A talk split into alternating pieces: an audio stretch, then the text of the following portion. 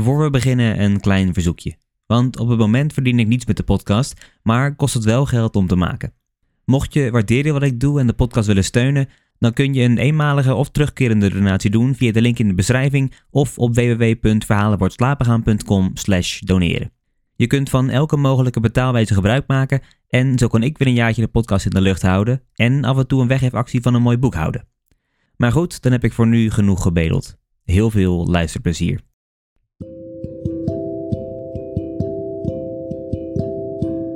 Hallo allemaal en welkom. Mijn naam is Mike en in deze aflevering lees ik voor uit de zeven verhalen over de rockband der gebroken zielen. Dit is Verhalen voor het slapen gaan.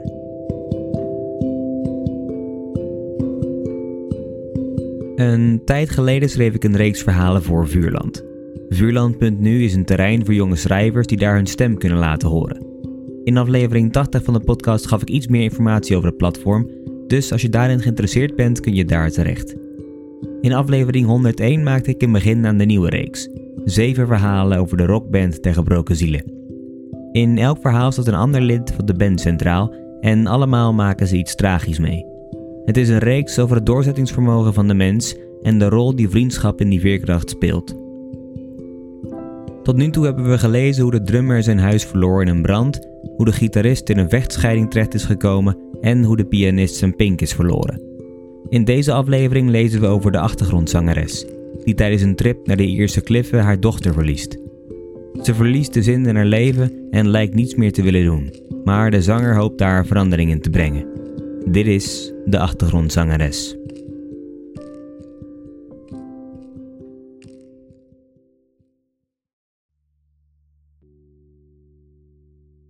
De achtergrondzangeres. De achtergrondzangeres is haar kind verloren. Het gezin, de vader, de moeder, de dochter, was op vakantie in Ierland en het waaide. Hard. Zoals dat alleen maar kan aan de rand van de wereld. Door de manier waarop de rotswanden uitstaken in de zee, was het net alsof ze ergens naar reikten. Alsof er ooit zomaar een stuk was afgebroken en ze hoopte dat het ooit nog terug kwam drijven om zich weer bij hen te voegen. Het gezin staarde achter een laag muurtje naar de meer dan 200 meter hoge kliffen, terwijl onderaan de golven met onuitputtelijk geweld tegen de wanden stuk sloegen.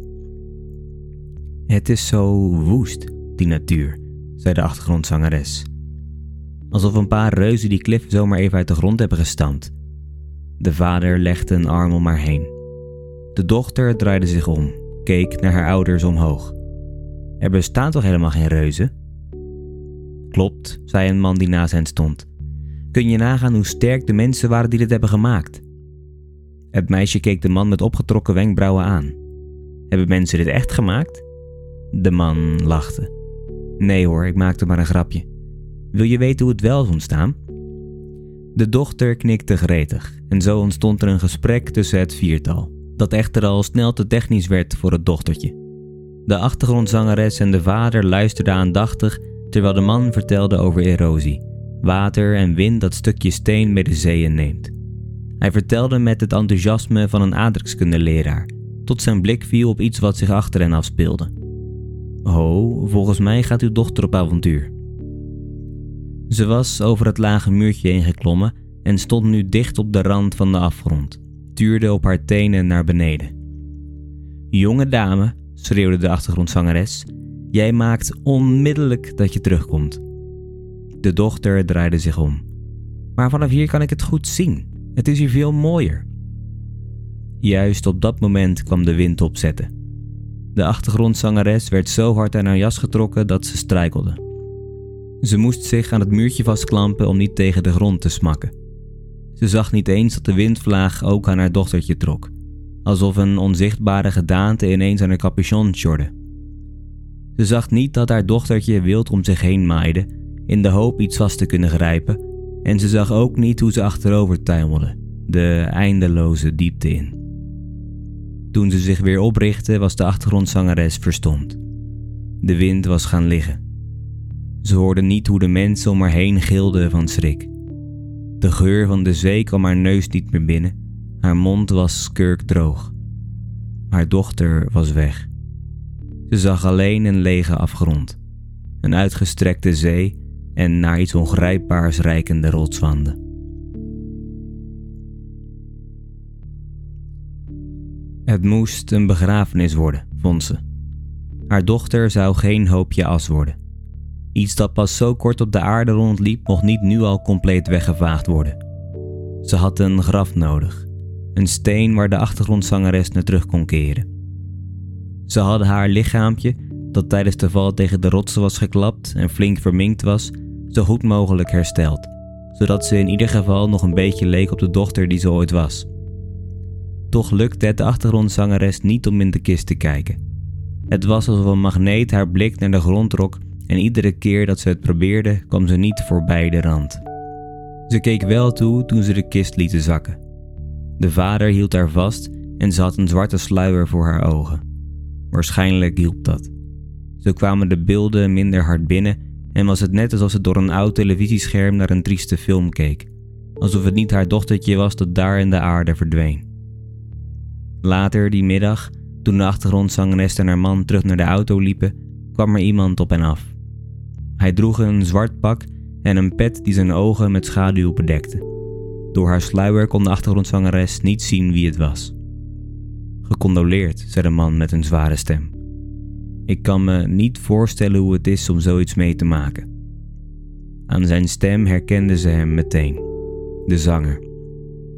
Ze kon zich niet herinneren dat ze hem had uitgenodigd. Ze kon zich zelfs niet eens herinneren dat ze hem van het overlijden van een dochtertje had verteld. Wat deed hij hier? Ze kon niks beter verzinnen, dus besloot ze het maar gewoon te vragen. Waarom ben jij hier? De zanger glimlachte. Je hebt vast al meegekregen dat er een nieuw album uit is. Van de band. En we hebben het nog niet aangekondigd, maar we willen binnenkort op tournee. Dus eigenlijk is mijn vraag of je binnenkort langs kunt komen om alvast te repeteren. Haar mond viel open en ze staarde hem aan. Had hij dit werkelijk aan haar gevraagd? Op de begrafenis van haar dochter? Waar haalde hij het gore lef vandaan? Hij was hier helemaal niet om zijn steun te betuigen. Hij was hier omdat hij zo nodig op tournee moest. Je bent een egoïstische klootzak, weet je dat? Ze sloeg hem vol in het gezicht. Ze draaide zich om en ze reden weg, lieten de zanger met een rode wang achter. In de weken die volgden probeerde de zanger haar keer op keer te bellen. Wanneer ze niet opnam, stuurde hij talloze sms'jes. Ze hadden haar nodig, typte hij. Zonder haar stem was een tournee de moeite niet waard, hield hij vol.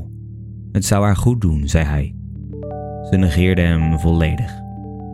Terwijl haar man langzaam maar zeker weer naar zijn werk ging, zat zij thuis op de bank. Vroeger had ze nog het zingen, maar sinds het verlies van haar dochter had ze zich daartoe niet meer kunnen zetten. Er waren dus geen redenen meer over om de buitenwereld op te zoeken en ze kon binnen de veilige muren van haar huis blijven, waar ze alleen was met haar gedachten. Ieder belletje en elk sms'je van de zanger deed haar herinneren aan de dag van de begrafenis. Dus toen de zanger na een maand nog niet was gestopt, blokkeerde ze zijn nummer. Een paar dagen later kwam haar man thuis van werk. Hij hield zijn telefoon in de lucht. Hij belt mij nu ook al. Hoe is hij überhaupt aan mijn nummer gekomen? Zeg hem maar dat hij dood kan vallen met zijn tournee. Haar man zuchtte. Schat, ik heb eens zitten denken en volgens mij. Ze wierp hem een waarschuwende blik toe. Nee, alsjeblieft, ging hij verder. Luister nou. Ik denk dat hij misschien gelijk heeft, die zanger. Dat het zingen je goed kan doen. Ze keek hem aan alsof hij had voorgesteld hun dochter achterna te springen. Ben je serieus? Je denkt toch zeker niet dat ik kan zingen in deze staat? Of ben je alweer zo druk met je werk dat je bent vergeten dat onze dochter dood is? Vergeet niet tegen wie je het hebt. Ze was evenveel mijn dochter als de jouwe. Ik rouw evenveel als jij. Ze richtte haar blik naar de grond. Sorry, mompelde ze. En zij was jouw grootste fan. Ik kan me niet voorstellen dat ze had gewild dat je om haar zou stoppen met zingen. Ze was een tijdje stil. Het voelt zo snel allemaal. Te snel. Toch denk ik dat je het moet doen. Er rolde een traan langs haar wang richting haar mondhoek. Ze ving hem op met haar tong, proefde het zout en knikte. Ze pakte haar telefoon deblokkeerde het nummer van de zanger en opende hun chat. Oké, zeg maar wanneer ik waar moet zijn. Een hoop mensen waren druk in de weer met materialen, instrumenten en kabels. De meeste mensen kennen ze van vroeger, uit zalen en repetitieruimtes zoals deze. Ergens voelde het fijn om weer met hen samen te zijn. Niemand vroeg met medelijdende ogen hoe het met haar ging, alsof ze van tevoren met z'n allen hadden afgesproken het er niet over te hebben. Natuurlijk was er ook een kans dat niemand überhaupt iets wist. In ieder geval was ze opgelucht dat ze er niet over hoefde te praten. De zanger omhelsde haar en bedankte haar dat ze er was. Hij zei dat hij het meende dat er zonder haar stem geen tournee zou zijn geweest. Ze wisselde wat beleefdheden uit, waarna de zanger zijn keel schraapte. Oké, straks gaan we de eerste paar nummers doorlopen. Maar voordat we beginnen wil ik dat je iets voor me doet. Ik wil dat je op dat podium klimt en voor ons gaat zingen. Voor de crew. Je mag me niet vragen waarom. Waarom? De zanger grijnsde. Doe nou maar. Hij liep weg, begon de bandleden en crew te verzamelen. Hij wees ze een plek op de stoeltjes voor het podium. De achtergrondzangeres keek van een afstandje toe. Toen de lichten werden gedempt en het publiek stiller werd, liep ze zonder dat ze het doorhad naar voren en klom ze op het podium. De spotlight scheen fel in haar ogen en nu ze hier eenmaal stond had ze geen idee wat ze hier deed. Wat moet ik zingen? vroeg ze in het luchtledige. Doe maar iets. Ze sloot haar ogen en begon. Klein, zacht, met een trillende stem. Langzaam maar zeker vergat ze de crew, de bandleden, de zanger. Haar hoge stem werd zekerder en vulde de zaal, drong de buitenwereld weg, raakte iets in haar dat openbrak. Ze had haar ogen nog dicht, dus ze kon niet zien hoe haar stem de anderen tot tranen bracht. Wel rook ze zoutige zeelucht. Ze voelde de wind langs haar gezicht strijken. Ze reikte naar iets, ongrijpbaar ver weg. Voor haar ogen danste haar dochter die op haar tenen over een muurtje naar de kliffen keek. En ze kon zweren dat ze haar kon horen zingen.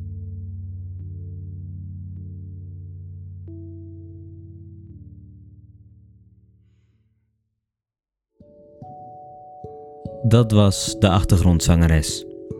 We lezen hoe tijdens een vakantie in Ierland haar dochter in de afgrond verdwijnt terwijl ze niet staat op te letten. De begrafenis is afgelopen wanneer de zanger daar ook blijkt te zijn. Hij biedt nog wel zijn condolences aan, maar al snel lijkt het erop dat hij daar alleen maar is omdat hij haar nodig heeft voor de repetities van het concert. Ze geeft hem een pets in het gezicht en laat hem daar achter. In de weken daarna zit de zangeres alleen maar thuis op de bank. Het lukt haar niet om te werken of om lol te hebben. De zanger blijft zijn best doen om door te dringen tot de zangeres en blijft haar bellen en appen, maar zij blijft hem stug negeren. Wanneer de zanger haar man probeert te bereiken, leidt dat tot een gesprek tussen de zangeres en haar man. Het lukt hem uiteindelijk om haar te overtuigen om naar de repetities te gaan. Eenmaal daar is ze wat gereserveerd en zenuwachtig. En tegen haar verwachting in vraagt de zanger haar voor de crew te zingen, al zegt hij niet waarom. Ze twijfelt, maar toch gaat ze op het podium staan. Daar plaatst ze iedereen omver en lukt het haar eindelijk weer iets te horen en te voelen wat ze in tijden niet heeft gevoeld. Zo is het de zanger toch weer gelukt om haar er een beetje bovenop te krijgen al is het maar een eerste stap.